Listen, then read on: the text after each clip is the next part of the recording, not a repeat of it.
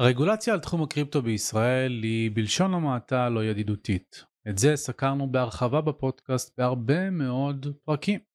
אבל עכשיו היה לי חשוב לדבר על מה קורה בעולם, בדגש על מיקה, הרגולציה האירופית שמוכלת החל משנת 2024, ובארצות הברית לאור כל ההתפתחויות האחרונות שקורות גם מול הרשות לניירות ערך, גם מול ה-CFTC, גם מול משרד המשפטים וכדומה. אז הזמנתי את עורך דין ורואה חשבון אורי ציחור, שלמעשה עוסק בתעשיית הקריפטו כבר משנת 2016 כשהוא היה שותף להקמת מחלקת הבלוקצ'יין של ארנסטן יאנג של EY ולאחר מכן עבר לפישר בכר אחד ממשרדי עורכי דין הגדולים במדינה כדי להקים שם את מחלקת הבלוקצ'יין בתוך מחלקת ההייטק. דיברנו על הרקע של אורי ועל הניסיון שהוא צבר מעבודה מול הגופים הגדולים בעולם ומהובלה של מקרים מאוד מאוד משמעותיים שלאחר מכן שימשו כמקרה דגל במקומות אחרים. בחנו לעומק את הרגולציה האירופית החדשה, את הרגולציה האמריקאית ואת המדיניות של אכיפה לעומת הסדרה בחוק ששונה בין אזור גיאוגרפי כזה או אחר, ואז הסקנו מסקנות מה זה אומר עבור התעשייה המקומית ומה אתם כיזמים, כחברות וכאנשים פרטיים במדינת ישראל צריכים להכיר על הארביטראז' הרגולטורי שקורה לעולם. דיברנו גם על בייננס ולמה אורי חושב שבייננס לא הולכת לשרוד, בטח ובטח שלא באותה מתכונת, את הכתב האישום הקרב ובא מצד משרד המשפטים האמריקאי לצד הצרות שיש לה מול הרשות לניירות ערך ומשרד המשפטים ועל תחזיות לעתיד של אורי בתעשיית הבלוקצ'יין והקריפטו אני בטוח שאתם הולכים ליהנות מהן. אני רוצה להזכיר ששום דבר שאורי ואני אומרים לא יכול או צריך לשמש כהמלצה לפעולה, או במקרה הזה גם לא רק לייעוץ השקעות, אלא גם לייעוץ משפטי, ייעוץ מס, ייעוץ חשבונאי. אה, למען הסר הספק, אתם ילדים גדולים אז תקבלו את ההחלטות שלכם עבור עצמכם. ואני רוצה להזכיר שאם אתם מעוניינים ללמוד על עולמות הבלוקצ'יין הרבה הרבה יותר לעומק, אז יש לנו את מסלול בלוקצ'יין אקספרט שאורי ציחור הוא גם מרצה בו. שבו אתם יכולים באמת להבין לעומק, להיקף ולרוחב את התעשייה, וכל הפרטים זמינים לכם בתיאור הפרק. ועכשיו, קבלו את אורי.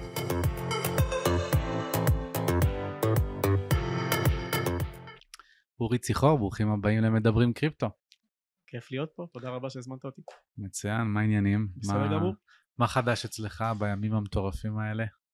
אמ, הרבה ולא כלום. זה תמיד מדהים אותי, האמת שאני אלך רגע off script ואני אשאל אותך איך אתה מתמודד עם ה-24/7, כי באמת התעשייה הזאת לא נותנת מנוח לשנייה, והאמת שלא לא, לא שאלתי אנשים בפודקאסט איך הם מתמודדים עם זה, כי אני יודע שאני 11 בלילה רואה משהו קורה בעולם, אני אשכרה מתיישב לעשות על זה כתבה, אז אני רוצה להבין איך זה אצלך. אז, אז, אז אוקיי, זה מצחיק שאתה שואל את זה. קודם כל זה לא מאוד שונה, זה 24/7, כל הזמן קורה משהו. אני, אבל הזווית שאני רוצה לתת פה היא, היא דווקא זווית חיובית. כי אני חושב שבמשך הרבה שנים, 15, 16, 17, 18, כל פעם שקרה משהו, בעיקר משהו רע, תמיד תפסתי את עצמי ואמרתי, רגע, האם התחום ישרוד? האם בחרתי נכון? האם אני עכשיו עומד בפני אה, מומחיות בתחום שהוא עוד שנה לא יהיה פה? אני חושב שבשנים האחרונות, גם בדברים הרעים, אתה אומר, זה כבר לא שאלה קיומית. אתה לא אומר האם התחום ישרוד. איך הוא יתעצב, כן רגולציה, לא רגולציה, לאיזה כיוון ייקחו את זה. אז אני חושב שהתובנה שה, פה זה שבה, או ה, אתה יודע, ה insight זה שבה, לפחות כרגע ברגעים הרעים של האירוע הזה, אתה יודע שאנחנו במקום שישרוד, והשאלה היא כבר אחרת. בטח, ומה שבטוח זה שאנחנו נהיה עם הרבה יותר שערות אפורות. כמו שאתה רואה אצלי, זה כבר נתן את אותותיו. לגמרי. טוב, אז הגיע הזמן שתספר קצת על הרקע שלך, אה, מעבר לזה שאתה מרצה במסלול בלוקצ'יין אקספרט, וזה שאנחנו מכירים הרבה מאוד שנים מהתעשייה, יש לך רקע מאוד מאוד מגוון, יצא לך בתור עורך דין ובתור רואה חשבון להיות בהרבה מאוד מקומות מעניינים, אז ספר קצת על הרקע שלך, אולי טיפה ללפני קריפטו, ואז מה היו הצעדים הראשונים שלך בתעשייה, ומשם עד פישר בכר. בכיף. אמ, אז אורי, 38, נשוי פלוס שלושה, אמ, עורך דין ורואה חשבון, התחלתי בפישר אמ, בתור מתמחה, אחרי זה עברתי ל Ernst & Young, עבדתי שם במשך אה, עשר שנים במחלקת הייטק, שמתישהו בסוף 15, תחילת 16, אה, בעצם הייתי שותף להקמה של אה, מחלקת הבלוקצ'יין ב Ernst & Young, ומשם ועד היום אני עמוק בתחום, שבשנה האחרונה חזרתי לפישר להקים בעצם מחלקת בלוקצ'יין, בנינו בצורה מאוד יסודית מחלקה שמתעסקת על כל גווניו של התחום, שאולי אפשר להרחיב על זה קצת אחר כך, אבל באמת מתוך הסתכלות והבנה שזה לא רק כותרת, אלא זה תחום שמצריך ידע עמוק ברגולציה מקומית וגלובלית, זה תחום שמצריך ידע עמוק בעולמות המס, זה תחום שמצריך ידע עמוק עם כל הטכנולוגיות המשקיעים, החברות הצעירות והחברות הבוגרות, אני חושב שבנינו שם משהו די ייחודי ונחמד. אני כן יכול להגיד גם בעניין הרקע שב Ernst & Young מזכיר 16, 17, 18, ההייפ ואחרי זה ה winter הגדול שבא בעקבותיו, לא יודע אם זוכרים, כל ה Big Four בעולם הם החליטו לא נוגעים בתחום כי מסוכן מדי, כי אין ידע וכולי וכולי. בדרך, לא דרך, EY הישראלית הצליחה לקבל אישור להיות מעין איזה בטה טסט וכן לעסוק בתחום ולקבל חברות.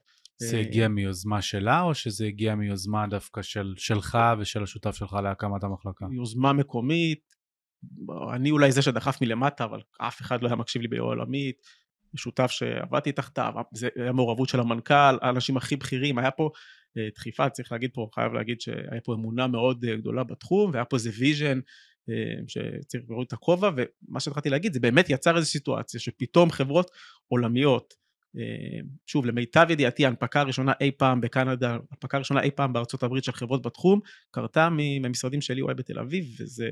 זה, אני לא, לא מצליח לחשוב על עוד תחומים שנותני שירות ישראלים היו חלוצים וניהלו דיונים במשך שנים מול ה-CPAB, שזה רגולטור קנדי מאוד משמעותי, או מול ה-SEC, וזה נתן ידע מדהים, סתם לצורך העניין גם היום אה, מי שמוביל את תחום הבלוקצ'יין מספר 2 למעשה מי שמוביל את תחום הבלוקצ'יין בארצות הברית זה בחור שארסטן יאג לקחו מישראל שעשה רילוקיישן ומוביל שם את כל התחום ועד היום יש צוותים בישראל שמובילים תהליכים מאוד משמעותיים בת... בתהליך הזה וגם ברמת הידע השגנו שם ידע כמו שאמרתי דיונים באמת עמוקים על הטכנולוגיה על הרגולציה על הציות על הספרים על ה finance על ה legal דברים סופר משמעותיים אה, ששמו את ישראל במקום, אה, במקום די מדהים בתחום הזה. אה, אז, אז זה, שוב, גם ברמת EY, שזה ארגון של 300 אלף איש, זה התחיל ב-2016 שהיינו נוסעים לוועידות של ה-Global Blockchain Committee או, או group, שזה היה איזה עשרה אנשים בחדר, וכשעזבתי בשנה האחרונה, אז הכנס האחרון היה 400 אנשים, זה נראה כמו, כמו כבר חברה בפני עצמה, עם לקוחות מפה ועד הודעה חדשה, ובאמת טרק uh, רקורד מאוד מאוד משמעותי, אז... כן, וגם דיונים מעניינים גם בזירה הציבורית. בוא נעשה את ההסבה לפישר, פישר בכר כמובן, אחד ממשרדי עורכי דין המוכרים המובילים בישראל, אבל אני רוצה שנעשה אותו גם עם איזשהו הסבר על ההבדלים. כי אני חושב שהמון המון מהמאזינים שלנו ומהצופים למעשה שמעו על EY, Deloitte, על ה Big Four ועל המונח הזה, שבדרך כלל עוסק יותר, תקן אותי אם אני טועה, בייעוץ, בראיית חשבון, ב auditing, כלומר של ספרים, של מודלים עסקיים וכדומה, לעומת משרד עריכת דין שיכול לעסוק גם כן בתחומים דומים, אבל נשמח שככה, תוך כדי שאתה מסביר על מה פישר בכר עושה, תסביר במה זה שונה מתפקידך ב-EY וממה ש-EY עושה. אז, אז זו שאלה, שאלה מעולה, ואני אקדים ואומר שזה כמעט, יש רגעים שזה לא שונה בכלל וזה מאוד דומה ויש רגעים שזה מאוד שונה ואני אסביר. גם ב-EY בהתחלה הגיעו לנו חברות בתחום, אני מדבר על 2016, גלי ICO מוקדמים, שהגיעו ושאלו מה בעצם אתם נותנים לנו. אה, לא היו דוחות, לא היו חברות בכלל, בסוף אני הייתי מחלקת ביקורת, עושה דוחות כספיים של חברות. זה בכלל לא היה רלוונטי. לא עזרתי לאף חברה, בשנתיים הראשונות לא עשיתי דוח לאף חברה. מה עשינו? עזרנו להם ברגולציה, עזרנו להם ב tokenomics, עזרנו להם באסטרטגיית מיסוי, עזרנו להם בגיוסי כספים, זאת אומרת, עזרנו בהמון היבטים פריפריאליים שבכלל לא קשורים ל core business של החברה. אז אני חושב שגם פה אה, יש איזה עניין מאוד הוליסטי של המון דברים שאתה עושה שהם לאו דווקא שירותים, legal, proper, כי יש פה איזו תעשייה ששולחת ידיים להמון המון מקומות, וכמו שאמרתי צריך, מישהו בכלל מגיע, שאני אסתכל על ההסכם ובסוף אני בכלל יוצא לו עם איזה תכנון מס כי אה, הוא הגדיר שם לא נכון, או, או אה, מזהה לו בעיה ברגולציה שהוא לא חשב עליה, שנכנסה וחלה עליו או עשויה לחול עליו. אז במובן הזה זה עדיין איזה קצת ג'ונגל ואתה צריך, והיכולת שלך לשחק בהרבה עולמות והרבה מגרשים היא, היא חשובה. אה, אבל בצד השני, אני חושב שגם יש איזושהי אה, התבגרות של התעשייה וכבר יש אה, תחומים ספציפיים ויש כבר מומחיות ספציפית ובהחלט יש אנשים שבאים לצורך של, שוב, זה יכול להיות הסכם, DD, מכירה, השקעה, מיסוי, כל אחד מאותם חלקים שאנחנו עוזרים ללקוחות וזה כבר יותר מוסדר ונעשה בצורה יותר מקצועית. אני כן חושב שהיתרון הגדול של פישר, זה כמו שאמרתי, זה ההסתכלות מראש על מה התחום צריך, זה הבנייה הזה מלמעלה למטה, ולא בדרך כלל בארגונים הגדולים זה מגיע מלמטה למעלה. מישהו יש לו איזה עניין אישי בזה, יצר מומחיות, יכול להיות שהוא מאוד מאוד טוב, אבל היכולת שלו to have את all היא מוגבלת. כן. כשאתה מסתכל על זה מלמעלה למטה, אתה אומר, אני חייב מומחה מס, הלכנו, הבאנו את המומחה מס הכי טוב שיש, כדי שיבוא וישב וייתן לך את הפתרונות. אני צריך פה פתרון רגולטורי ב-EU, ארה"ב, ישראל, אתה הולך ומביא את האנשים הכי רלוונטיים ומייצר את זה. וזה אותו דבר, יש לזה המון המון לייר, זה מגיע עד, היה לנו מקרים של אה, צוואה, מישהו שיש לו צוואה בארנק קריפטוגרפי, או מומחה בית משפט לסכסוכי אה, אה, דיני משפחה, יש לך את היכולת בתוך משרד גדול עם המון מחלקות ואנשים מוכשרים להביא את המומחה תוכן הספציפי יחד עם העזרה שלנו בתחום הבלוקצ'יין ובאמת לתת פתרון שאני לא יודע כמה גופים אחרים אה, יודעים לתת ואתה בעצם מוכן לכל תרחיש לא משנה איפה זה יהיה מי שוב במקרים הכי נוראים שיכול להיות צווארון לבן או, או פלילי ועד הדברים הכי מורכבים בעולמות המס ורגולציה יש לך את היכולת לתת מענה שלם אני חושב שזה יתרון משמעותי של, של המשרד ובדרך שבה בנינו את זה. יש לך דוגמאות ספציפיות לחברות, לסטארט-אפים שאתם עובדים איתם, לתהליכים שהובלתם שהם כמובן public knowledge ואתה מרגיש בנוח לשתף? אה, יש כמובן יש המון דוגמאות, אני, אני לא יודע, אני מסתכל ככה מאחור על גלי, אני לא יודע מה, מה public knowledge ומה לא, אבל אני יכול, אני אתן את זה בסקטורים וזה גם מסטארט-אפים כמובן, שני אנשים ברעיון שבונים דברים אה, אה, וגיוס ראשוני וליווי איך להקים, מה להקים, אמרנו שאולי נדבר על זה איפה להקים, לצערי יצא לי לאחרונה לא מעט, אה, במיוחד בתחום הקריפטו, עם הבלגן של הבנקים והחוסר טולרנטיות של אה, הרבה מהגופים בארץ, אה, להקים את זה גם מחוץ לישראל, לרבות רילוקיישן ועזיבה של, של אחד היזמים או, יותר מהם, עד הגופים הכי גדולים בשוק, שחקנים הכי גדולים, סיוע להם, שוב, בסוגיות יותר מתקדמות, זה גם רץ על מגוון שחקנים, זה יכול להיות חברות ציבוריות, זה יכול להיות חברות פרטיות, זה יכול להיות אה, משקיעים, אה, בוא נגיד שזה בפליין ונילה, ויש כל מיני דברים מוזרים אני קורא לזה, למשל כל העזרה כרגע עם הבנקים עושים היום המון חוות דעת מאנשים פרטיים שמחזיקים אה, כסף, השקיעו בו ממיטב כספם, mm-hmm. הערך עלה, הבנקים לא מוכנים לקבל את הכסף, רשות המיסים עושה להם בעיות, אז זה יכול לרוץ על אה, פני כמה תרחישים. כן, אוקיי. טוב, המטרה המרכזית באמת שהבאתי אותך לכאן היום זה כדי לעשות את האישור קו על הרגולציה העולמית, כמובן עד אה, כמה שניתן בהינתן שכל התחום עדיין מתפתח וגם הרגולציות שכן הוצאו כרגע לא מקיפות מספיק. בסופו של דבר בפודקאסט התארחו כבר לא מעט, אה, נקרא לזה מייצגי רגולציה שידעו להתעסק טיפה יותר בישראל, היה לנו את אה, בכיר הנהלת בנק ישראל ומנהל מחלקת התשלומים, עודד סלומי, היה לנו את אה, יושב ראש רשות איסור הלבנת הון לשעבר, דוקטור שלומית וגמן, שבאה לדבר על פשיעה כלכלית, על ה-FATF, על כל מיני גופים בינלאומיים נוספים. היה לנו את עורך דין עמית לוין ואת אה, המון המון המון אנשים, דיברנו בעיקר על ישראל. ועכשיו אנחנו עדים בעצם לרגולציה מקיפה שכבר נכנסה בעצם עברה את מה שנדרש הפרלמנט של האיחוד האירופי, נקראת מיקה, והיא צפויה להיכנס לתוקף ב-2024, אה, תוך כדי שבמקומות אחרים בעולם, בדגש רב על הברית, אנחנו רואים צעדים שמתחוללים, שקורים, שמשפיעים על תמונת המצב העולמית של כלל התעשייה, וכתוצאה משנים את ה, מה שנקרא הארביטראז' הרגולטורי, איפה עדיף לך ללכת בתור יזם, בתור חברה, בתור גוף.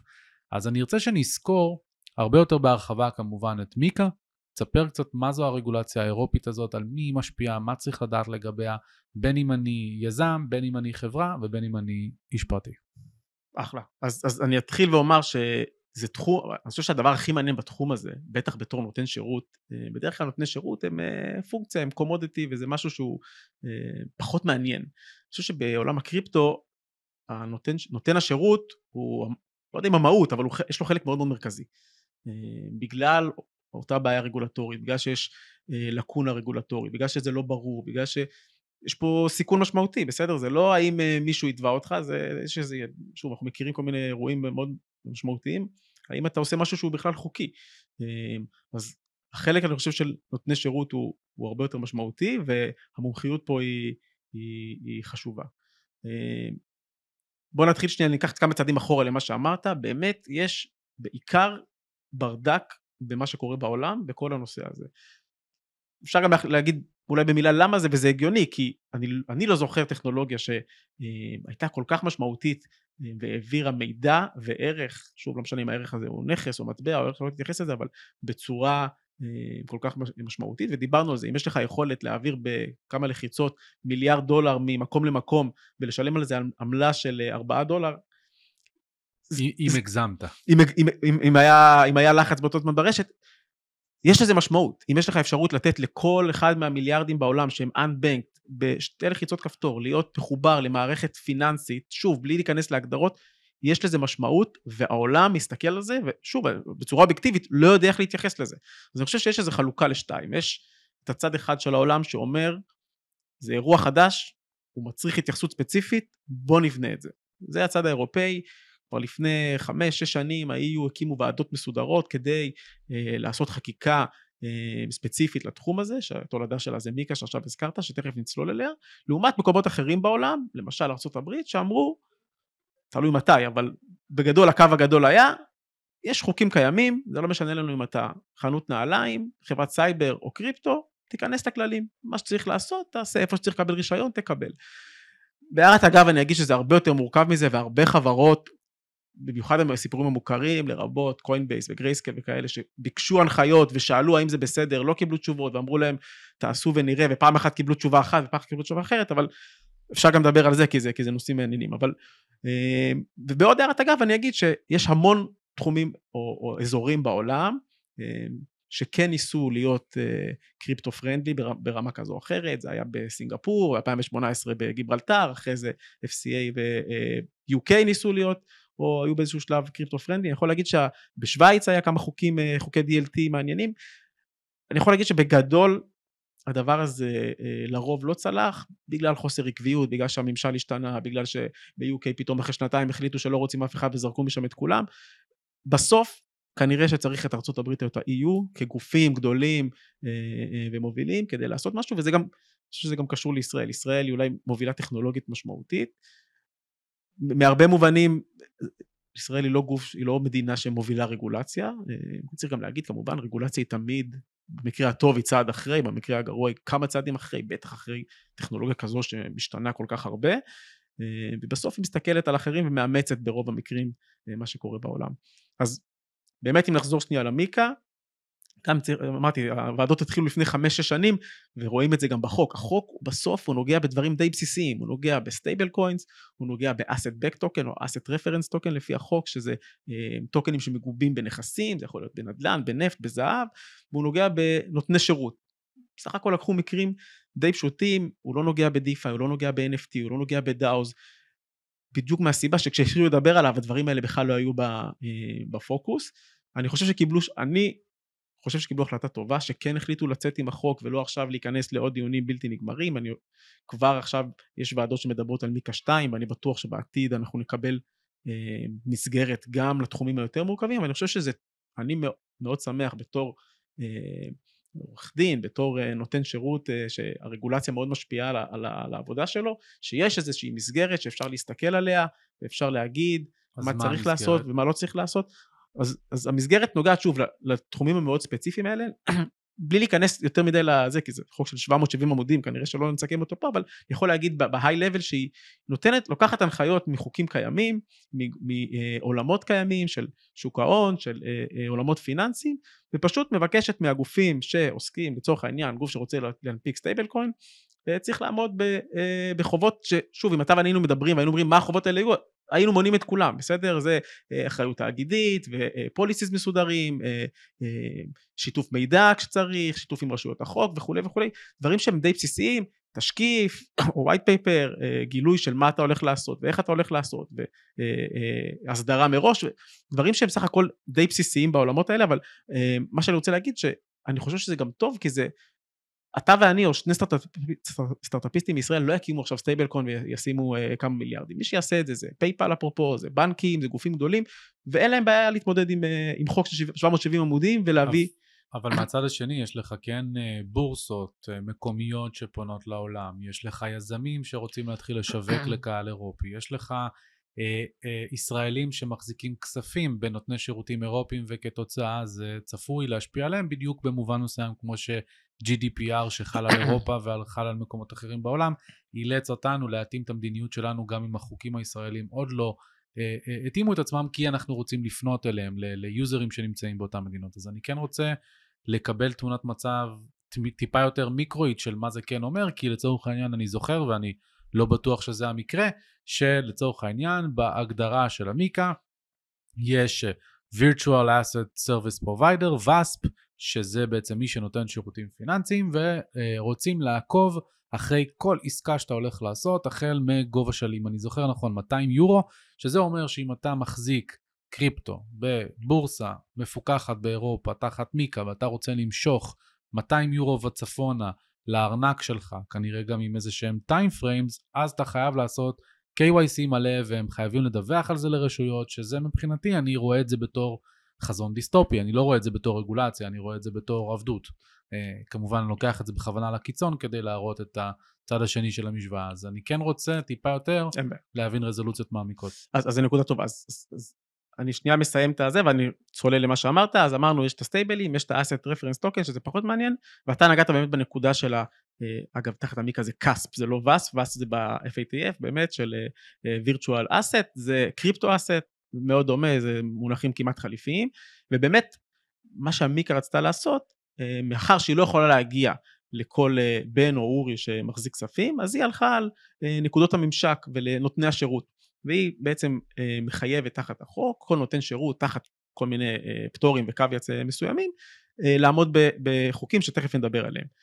מה שכן צריך להגיד שבסוף נתת את ה-GDPR וגם פה יש פה בסוף החובות הן מוכלות על נותן השירות. בסוף זה לא על בן או על, או על האדם הפרטי, זה חשוב להבין, זה לא שצריך לשנות איזה משהו בהתנהלות שלך, אבל אתה בהחלט צודק שאם החובות שחלות עליו הן אה, מאוד משמעותיות, אז בסוף זה מתגלגל עליך וזה גם ברור שמקשה על התעשייה.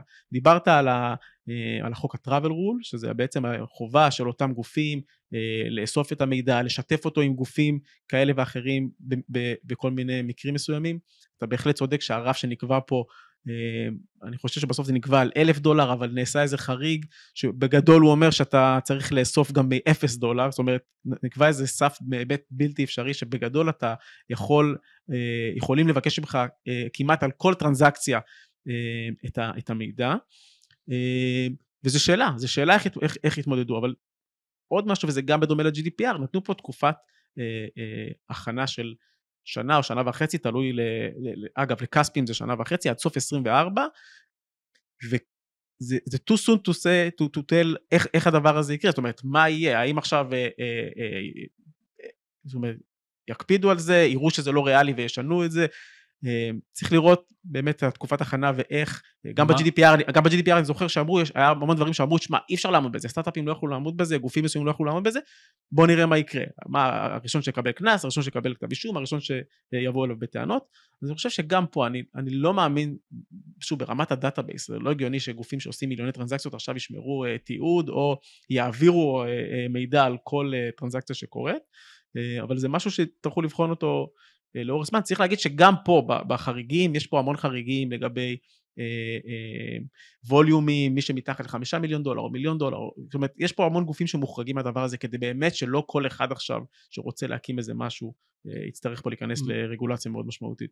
אתה אומר למעשה שעולמות ה-DeFi, NFT, DAOs לא נכללו בהסדרה הזאת, אז למעשה אין פה איזשהו take מסוים על איך Uniswap אה, אירופית תחשב, או שמא אם Uniswap כישות פונה לאירופי מה זה אומר עבורה, בעצם אין התייחסות לכל זווית הביזור?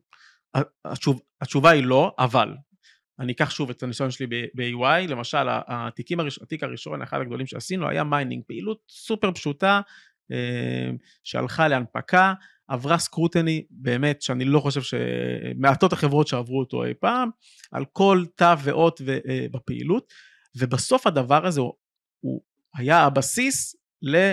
שוב, אני לא, לא יודע אם לקוינבייס ולאחרים, אבל הוא היה בסיס באמת להמון פעילות אחרת שנכנסה אה, ל, אה, לזירות אה, ציבוריות, אה, לאיך לבדוק ומה לעשות. אז גם פה, זה שזה לא מחייב מחר את יוניסוואפ אירופה, אני לא בטוח שזה לא יהיה לפחות בהיבטים מסוימים, ה foundation לחקיקה הבאה שתבוא ו, אה, ו, ותחול עליהם, ואני חושב שזה דווקא, זה טוב, זה כן, הם יוכלו להסתכל ולהגיד מה אנחנו צריכים לעשות, שוב, המגבלות הקיימות, בסוף כן, מבוזר מול, מול centralized, יש כמובן המון הבדלים שהם לא בהכרח רלוונטיים, אבל כן בעולמות של policies ודיווח, ומה צריך לעשות, ואיזה מערכים צריך להקים, ודיווחים שצריך לעשות, אז בהחלט זה יהיה מקור שאפשר להסתכל עליו, ואני חושב שזה רק מוסיף, זה בטח לא, לא גורע.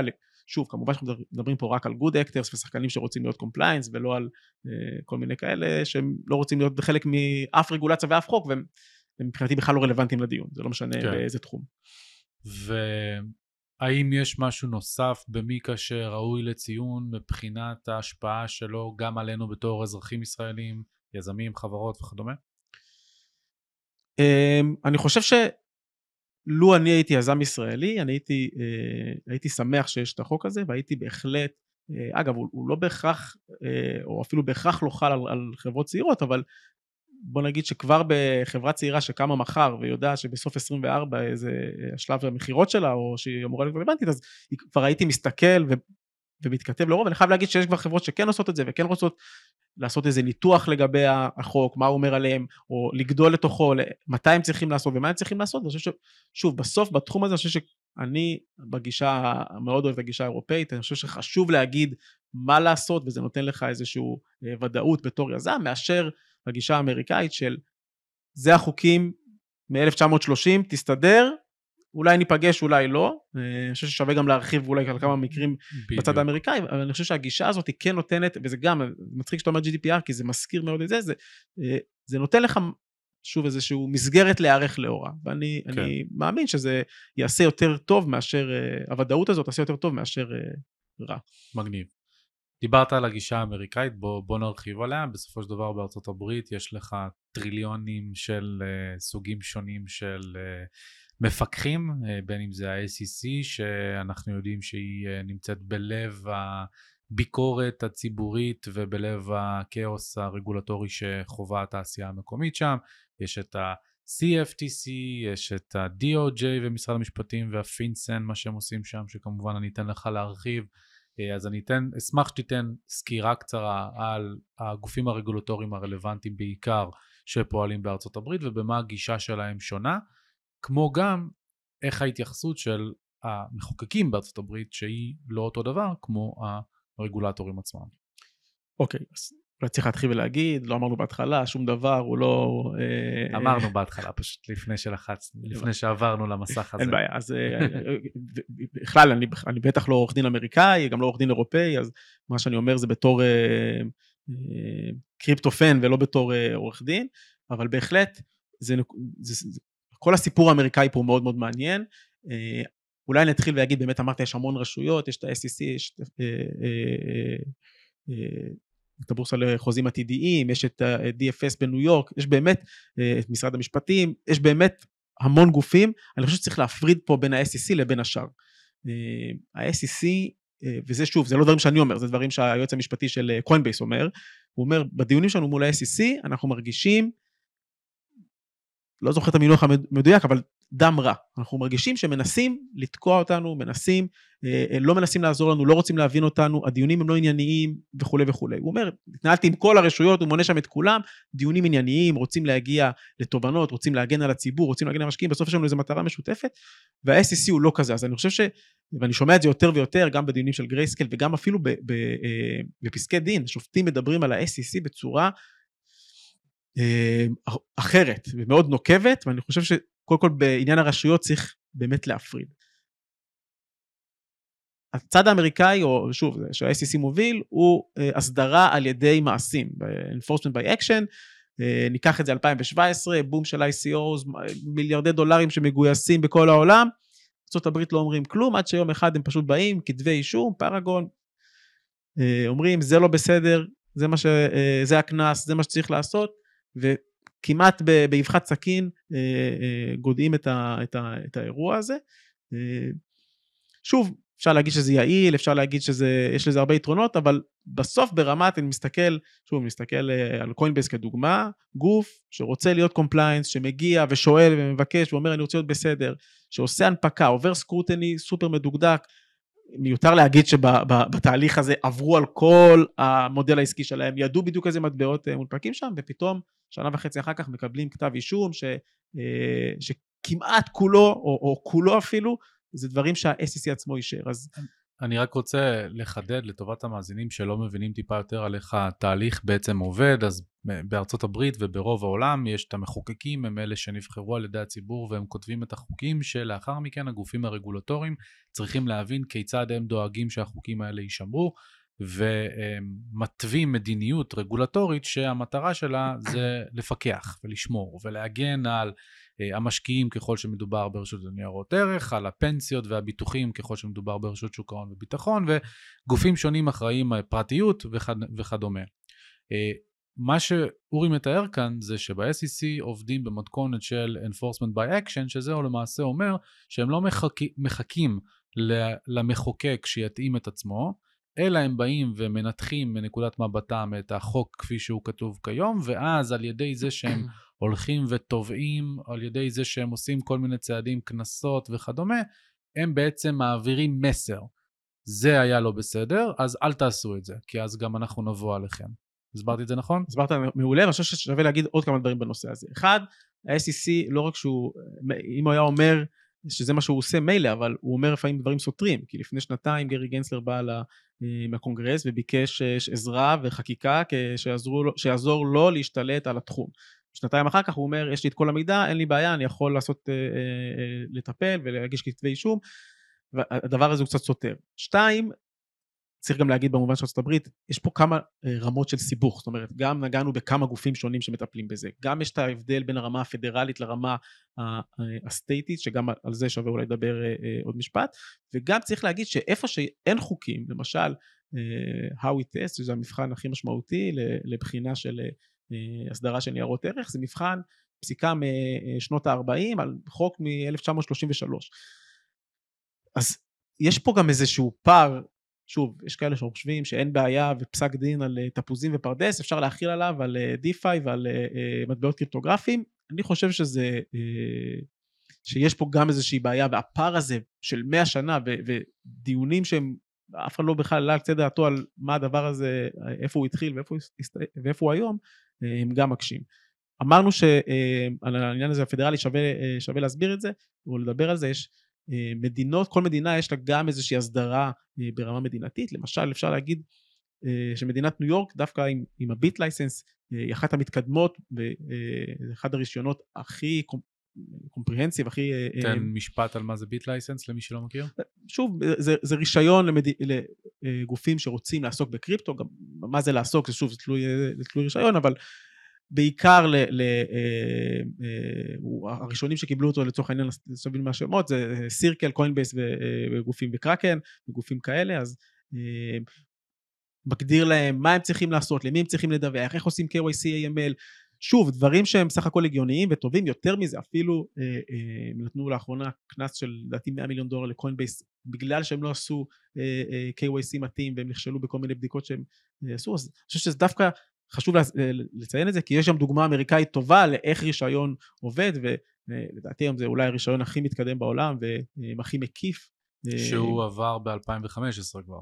הוא עבר, הוא עבר ב-2015, עבר כמה עדכונים, אבל הוא גם, הוא גם מוקדם מאוד בזמן והוא גם אה, אה, מקיף, ואני חושב שזו דווקא דוגמה טובה אה, לארה"ב, שלצורך העניין לא צריך להמציא את הגל, הם לא במצב אפס, זאת אומרת אפשר לקחת דברים קיימים אה, ולנצל אותם לטובתם, אה, וכן לאמץ אותם, אבל אה, כן צריך להראות שיש גם כן. את הצד הזה.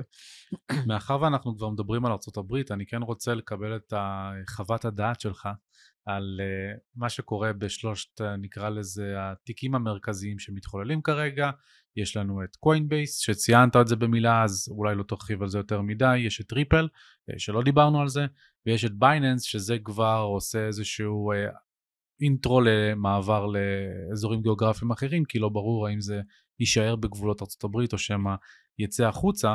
אז אני אשמח ל takeים שלך על מה שקורה, לטובת המאזינים אנחנו מקליטים את הפרק הזה בתחילת ספטמבר, אז אה, יש מצב שכבר היו התפתחויות אה, מהרגע עד שעד הפרק עלה, אה, אבל אני אשמח שתיתן את ה insightים שלך. Cool. אני אפילו הייתי מוסיף גם את Grayscale בכוכבית. אה, מצחיק שאמרת על תחילת ספטמבר, אנחנו תמיד צוחקים שזה שנות כלב בזה שלנו, אנחנו כבר אה, קרובים כבר לגיל החמישים בזה. אה, אז Coinbase אמרנו בזה, אני כן אגיד במשפט, ש Coinbase מבחינתי, זה, שוב, זה, זה כמובן לא חוות דעת וזה דעה אה, פרטית לכל דבר, אבל פעלו כמו שצריך לפעול, הם ביקשו הנחיות, הם רצו להיות compliance, הם הלכו לרגולטור הכי, לרגולטורים הכי נוקשים, אמרו נעשה מה שצריך, השקיעו באמת את כל מרצם וכספם ומשאביהם כדי להיות compliance ולעבוד אה, אה, כמו שצריך. אני אומר את זה כהקדמה בנוגע, בהבחנה ל Binance, שהם בחרו בגישה אה, אני ואפסי עוד, אני פועל, לא מעניין אותי שום דבר, אה, אני מנסה להיות הכי גדול שאפשר, אי אפשר להגיד שהם לא הצליחו, כן, אה, אני מניח שכל המאזינים יודעים מה הגודל של Binance ומה ההשפעה שלהם בעולם. אה, ועכשיו, לכשאנחנו כבר 50% מה trading בעולם, בואו ננסה להסדיר, בואו ננסה להקים חברה אמריקאית, בואו ננסה לדבר עם רגולטורים. בואו נגיד שזו גישה שאני פחות אוהב אותה ואני לא מאמין בה, ולכן מבחינתי, על אף שזה שני התיקים הגדולים ותמיד קושרים אותם ביחד, אני חושב שזה שני מקרים שונים לחלוטין. זאת אומרת, באיזשהו מובן מאוד אה, אה, ילדותי, בייננס מגיע להם שזה הגישה שלהם, ומגיע שהרגולטור ייתן להם בראש. בבייננס גם האשמות הרבה יותר חמורות. נכון, אה, האשמות אישיות. שונה, נכון. אה, שם אה, כאילו בפן של שימוש בכספי לקוחות, דברים שטיפה יותר מזכירים את FTX מאשר את קוינבייס. אתה צודק, וזה גם האשמות אישיות על CZ ועל המנכ"ל, אתה צודק, אבל בגדול עדיין כאילו הרבה פעמים עוטפים את זה ביחד ומדברים על זה ביחד, ואני חושב שחשוב לעשות את ההפרדה הזאת, כי יש פה אה, מבחינתי good actor ו-bad actor, אז אה, אני חושב שזה שני דברים שונים. אה, בריפל, שזה פסק דין ממש לאחרונה, סופר מעניין, גם אחד מה... לפני שאתה עובר רגע לריפל, מה אתה חושב שיקרה עם בייננס, בהינתן שמצד אחד יש את ה-CFTC שכבר הגישו את כתב האישום, ו... כן. בדיוק, יש את ה-SEC שהגישו את התביעה שלהם, ויש גם את משרד המשפטים, שבעצם כל התעשייה כוססת ציפורניים כדי להבין מה קורה שם. מה אתה חושב שהולך לקרות עם בייננס? לתחושתי, וזה hunch לכל דבר, בייננס לא ישרדו. אמרתי את זה יום אחרי ש-FTX נפלו וכל המעורבות שלהם שם. אני חושב גם שאין שום tolerance אה, לרגולטור האמריקאי, בגלל שהם זרים, בגלל שהם bad actor וכולי, אה, לבוא לקראתם או לעשות איזו עסקת טיעון, אני חושב שירדפו אותם עד הסוף, ואני גם מניח, שוב אין לי מושג, אבל שיש שם כל כך הרבה ברדק, ש... אפרופו FTX וכאלה שחפרו ורק גילו, אה, המפרק של FTX זה המפרק של אנרון, והוא אמר מעולם לא ראיתי כזה ברדק כמו שראיתי ב-FTX, אז אני בטוח שבייננס זה ב-multiplies אחרים, לכן אני, אני לא רואה איך הם מצליחים לצאת מזה, מצד שני עשו שם כמויות כסף לא הגיוניות, ההשפעה שלהם בתחום היא מטורפת, אז אולי ו... הם יצליחו לייצר איזשהו קסם. מה הכי מלחיץ אותך מבין מה שקורה עם בייננס? כלומר, אתה יותר חושש מה-SEC, אתה יותר חושש מה-DOJ, ממשרד המשפטים, מה אתה... אני חושב שהמגניטוד של הכל ביחד, שזה אה, גם אישי וגם הרבה... אה, זה, אני, אני חייב להגיד שמה ש... זה לא אולי לזה התכוונת, אבל מה שמטריד אותי בתור מי שמאוד אוהב את התחום, אני חושב שיהיה לזה השפעה עצומה לתחום, וזה ייקח אותנו, יכול לקחת אותנו כמה שנים אחורה, ב-short term, ב-long term זה דבר טוב. אנחנו בסוף רוצים שחקנים שהם compliance ושהם רוצים להיות בסדר ושהם רוצים לשתף פעולה עם הרשויות, אז אני חושב שבלונג טרם בסוף אנחנו, אה, זה יעשה טוב לתעשייה. חד משמעית, אני כמובן מסכים ואני גם כן נמנה בין המזהירים מפני בייננס, לא כי אני חושב שהנטייה לכך היא שכן היא תקרוס, אלא לכך שיש כאן סיכון בטווח הקצר שלא מצדיק בעיניי החזקת כספים בה, אבל אני כן רוצה לחדד, כי למעשה יש... Uh, סוג של אה, שני תרחישים מרכזיים אה, אופציונליים שבמסגרתם בייננס קורסת, ואחד מהם זה שבעיקר משרד המשפטים האמריקאי שמייצג את הממשל הפדרלי ואת המדיניות הבינלאומית של המדינה הזאת, אה, שבא ואומר, אנחנו, אתם הפרתם סנקציות, אתם מימנתם טרור, אתם הלבנתם הון, אתם עשיתם ככה, ככה, ככה, ככה, אנחנו נרדוף אתכם. מהצד השני יש את הלקוחות את הריצה אל הבנק הפוטנציאלית, שגם אם בייננס יש לה את הכסף ואת הכלים להתמודד עם הצרות הרגולטוריות מצד אותם גופים, אז עצם זה שהיא תחווה ריצה אל הבנק יגרום לה לקרוס, וזה לפחות על פי מקורות אנונימיים מתוך אה, משרד המשפטים האמריקאי, חשש שהוא בא גם בתוך משרד המשפטים. כלומר, משרד המשפטים, להבנתי, מה, שוב, מכתבה שהתפרסמה בבלומברג, חושש להגיש כרגע כתב אישום נגד בייננס בחשש, בחשד להונאת משקיעים ול-embezzlement, למעילה בכספי לקוחות, בגלל שהוא חושש לגרום לריצה אל הבנק ובגלל ה-impact שיש לבייננס על כל התעשייה. אז מה מבין שתי האופציות אתה חושב שסביר יותר, שמשרד המשפטים יבוא ויחליט אני עושה מה שצריך לעשות כדי להרוג את בייננס, או שיגיש כתב אישום ואז ה-impact של האדם הקטן שבא ועושה ריצה אל הבנק כי הוא רוצה רק את הכסף שלו, זה מה שיגרום לה ללכת. זו, זו שאלה טובה, אני לא יודע, אין לי, אין לי איזה, איזה תובנה פה לגבי, אני יכול מה, מה הייתי מקווה שיקרה, גם חשוב להגיד, כאילו בייננס זה לא מקור כל הרוע בעולם, בסדר? יש שם אנשים מדהימים, יש שם מאמצים מאוד מאוד גדולים אה, לשתף פעולה עם רשויות, למנוע הלבנת הון, יש להם קבוצ... גם קבוצות וגם אנשים ספציפיים, כולל בארץ, שהם עושים דברים אה, אה, מאוד חשובים וטובים, וצריך להגיד את זה. לשאלתך, מה שהייתי מקווה זה שכן היו מנסים לקחת את החלק הטוב בבייננס, ואולי לייצר סביבו אה, גם עם כל כתבי האישום וכולי, איזשהו מערך שכן פועל בצורה, בצורה אה, אה, מרושיינת ומרוגלצת, ואולי להציל את הפעילות במתכונת יותר מצומצמת, תחת רגולציה, שוב, אמריקאית או משהו כזה, אבל שהדבר הזה לא יקרוס ביום בהיר אחד, אלא כן יהיה קור שימשיך לעבוד ואולי ייבנה בצורה חדשה ומרושיינת. כן. אוקיי. אמ, בוא נעבור לריפל. אז, אז, אז אמרנו ריפל זה מקרה מאוד מעניין כי אה, מאבק גם של ה-SEC מול אחד המטבעות הגדולים, אה, שני הצדדים לא הסכימו להתפשר, הלכו לבית משפט ופסק דין שפורסם ממש לאחרונה. שוב גם לא אלאה בכל, ה, בכל הנושאים אבל היה מספר נושאים מרכזיים אה, קודם כל שני הצדדים טוענים שהם ניצחו אז כבר אתה מבין ש, אה, שהאמת היא איפשהי באמצע.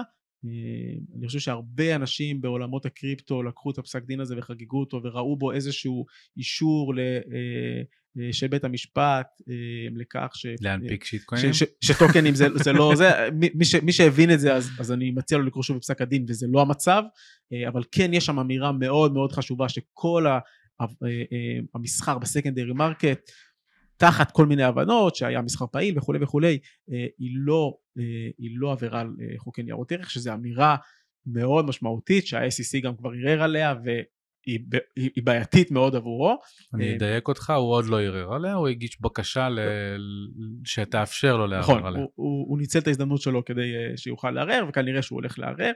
אגב, אני חייב להגיד שאני לא רואה איך הוא חי עם האמירה הזאת זה, זה, זה, זה, די ברור שהוא הולך לערער על זה. אה, בצד השני כן נאמר שכל הגיוס כספים, כמעט 800 מיליון, מיליון דולר אה, בפרי ICO, אה, כן היוו עבירה על חוקי ניירות ערך, הבטחות וכולי.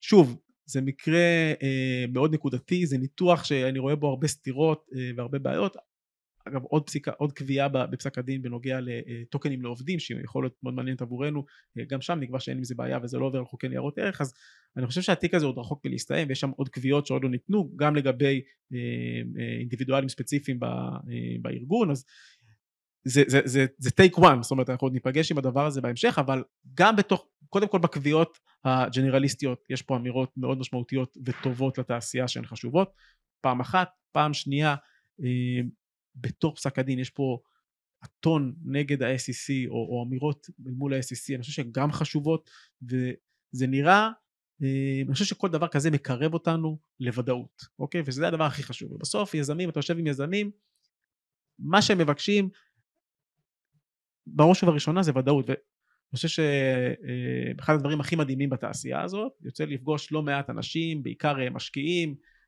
שותפים בקרנות גם כאלה שלא מבינים כלום, אומרים, תשמע, אני לא מבין את התחום הזה, לא, לא מאמין בו, לא כלום, אבל כמה מהאנשים הכי טובים שאני מכיר, כמה מהזרים הכי טובים שאני מכיר, עזבו הכל והלכו לעשות דברים בעולמות האלה, כי הם אומרים שזה מגניב, כנראה בעולמות ה-DeFi ו-trading, ויש פה דברים ש... אה, די, הזדמנ... מד... די מדהימים, הזדמנויות מדהימות. הזדמנויות שאפשר... שחופש מביא איתו.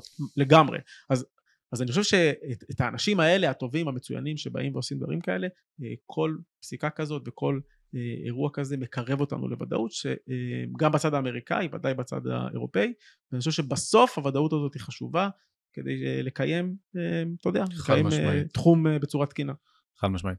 בוא נדבר קצת יש בעצם שני נושאים שאני רוצה עוד להספיק לדבר איתך עליהם אחד מהם זה על הארביטראז' הרגולטורי למול ישראל כלומר איפה אנחנו יותר טובים איפה אנחנו פחות טובים ביחס למה שהרגע תיארת על אירופה ועל ארצות הברית אה, והדבר השני זה לדבר איתך קצת על התחזיות שלך לעתיד. אז בוא, בוא נתחיל קצת עם איפה אתה רואה את הפלוסים של ישראל שאינדיבידואלים או עסקים צריכים להכיר, גם סטארט-אפים, אה, לעומת המינוסים, תיארת סיטואציות שבהם אתה עוזר ליזמים גם להקים חברות בחו"ל, איפה הצורך שם לעשות את המהלכים האלה, פשוט מתוקף okay. הארביטראז'. אוקיי, okay, אז, אז נתחיל בישראל, קודם כל נתחיל בדברים הטובים, אני חושב שהמצב היום בישראל הוא הרבה יותר טוב ב-2023 מ-16, 17, 18, אני חושב היום, לא חושב, אני אומר, לכל רשות, לכל רגולטור בישראל, רשות שוק ההון, רשות ניירות ערך, רשות המיסים, בנקים, מוסדות גדולים, גופים גדולים, משרדים, נותני שירות, לא תגיע היום למקום שאתה רוצה לדבר על קריפטו, בלוקצ'יין ולא יודע מה אתה מדבר. דברים שקרו בעבר, זאת אומרת, יש מומחים, יש אנשים עם ידע, אה, השיח הוא כבר שיח ענייני וזה חשוב. מעניין איפה הם לומדים. אה, לא, אז זה נקודה חשובה, זה נקודה חשובה. אה, השיח הוא שיח אחר. בעבר, לא פעם, נכנסת לדיון, לא משנה אם עם מי, עם גוף גדול, עם מוסד פיננסי, עם רגולטור, ולפעמים הבנת אחרי דקה בשיחה שזה, זה, אין בכלל על מה לדבר, אתה לא יכול להגיע לשום הסכמה כי אתה מבין שהצד השני בכלל לא מבין על מה אתה מדבר, אז הדבר הזה כבר לא קיים וזה מעולה. אני חושב שמעבר לזה יש המון מאמצים ודברים שאני בטוח שגם עלו בטח בפודקאסט ושאנשים מכירים, דוח הכלכלנית ויוזמות ותיקוני חקיקה ודברים שהם סופר חשובים. אז אני חושב שישראל היא בהחלט כבר בעולם, במקום אחר. שאלת על ארביטראז' רגולטורי, אני חושב ש... אה, כן בעניין הזה צריך לציין לטובה את רשות המיסים.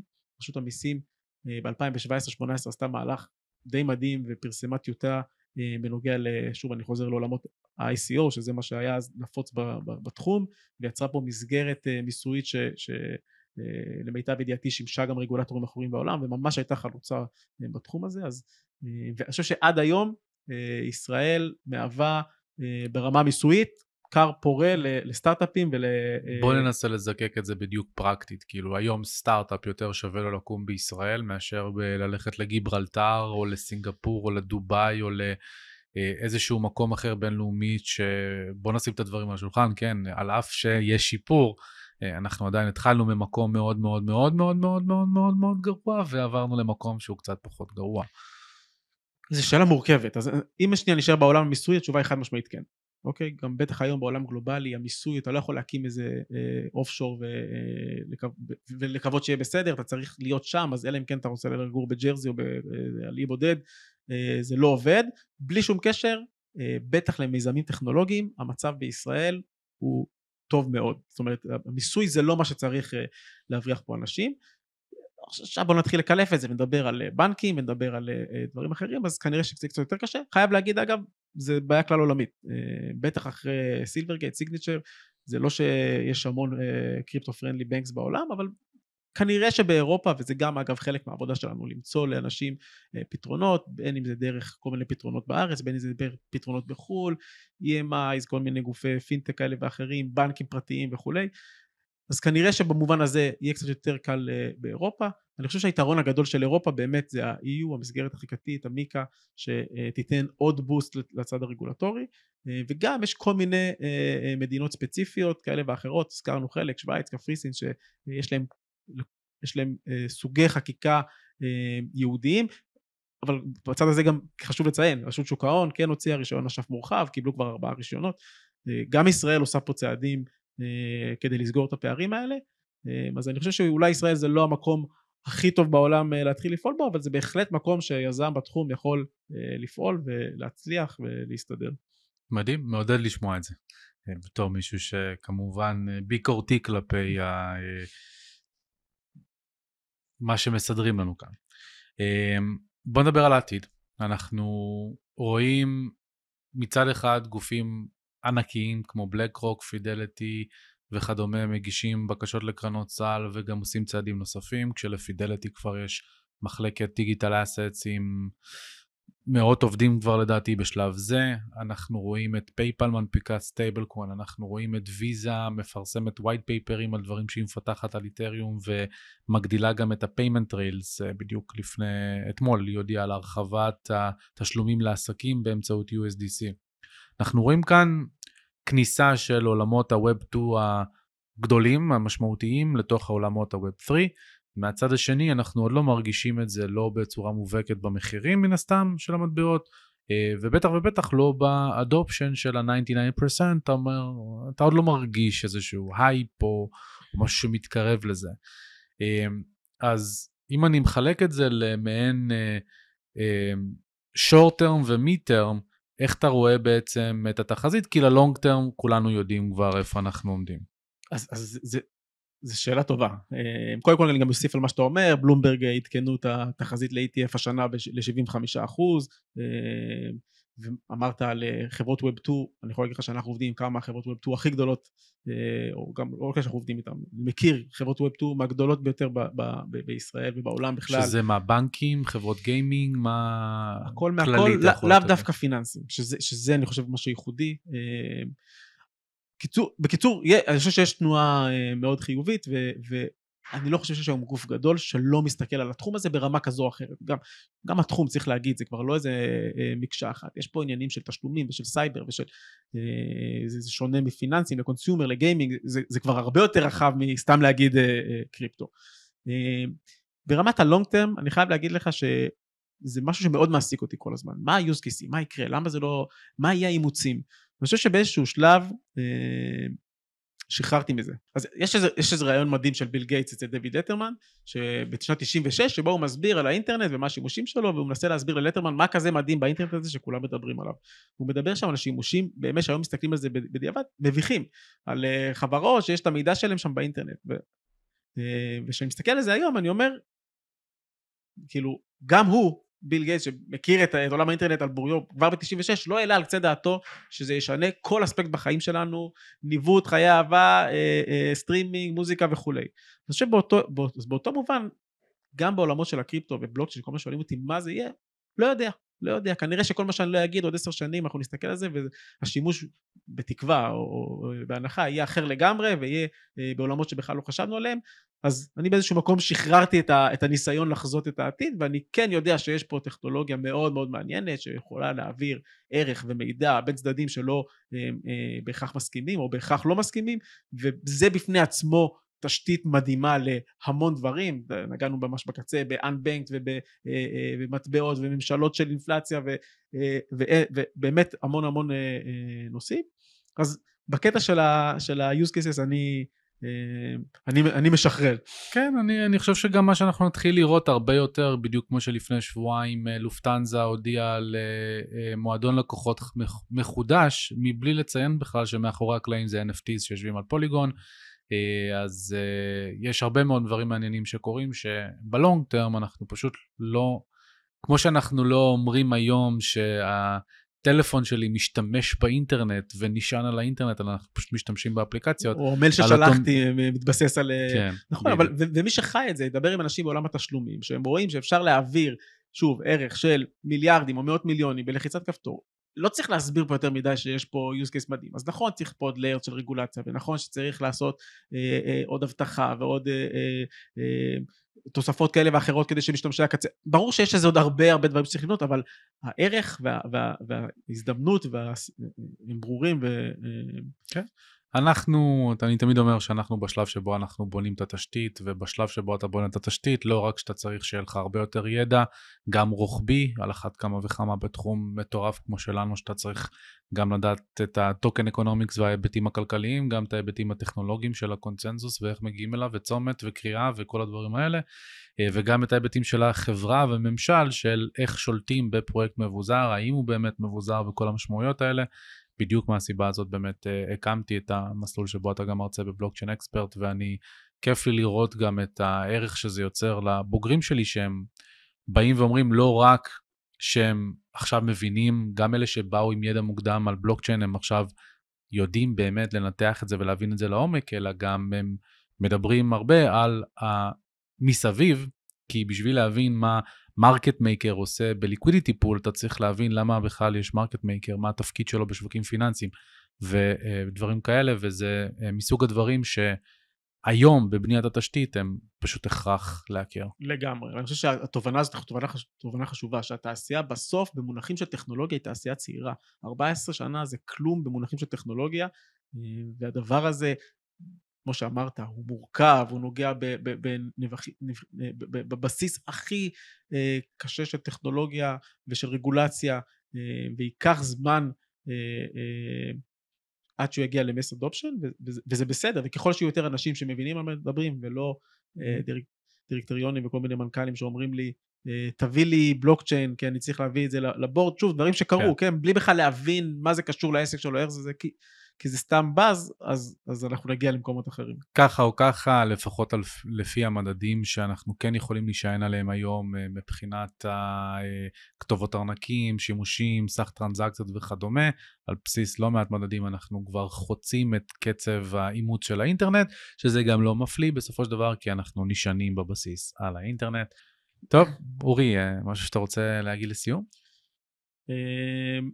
מקווה שנקבל יותר חדשות אופטימיות יותר חדשות פסימיות. נמשיך לעקוב אחרי הפסיקות והאירועים האחרונים והרגולציה החדשה אה, והדברים הטובים שקורים, ונקווה לבשורות משמחות.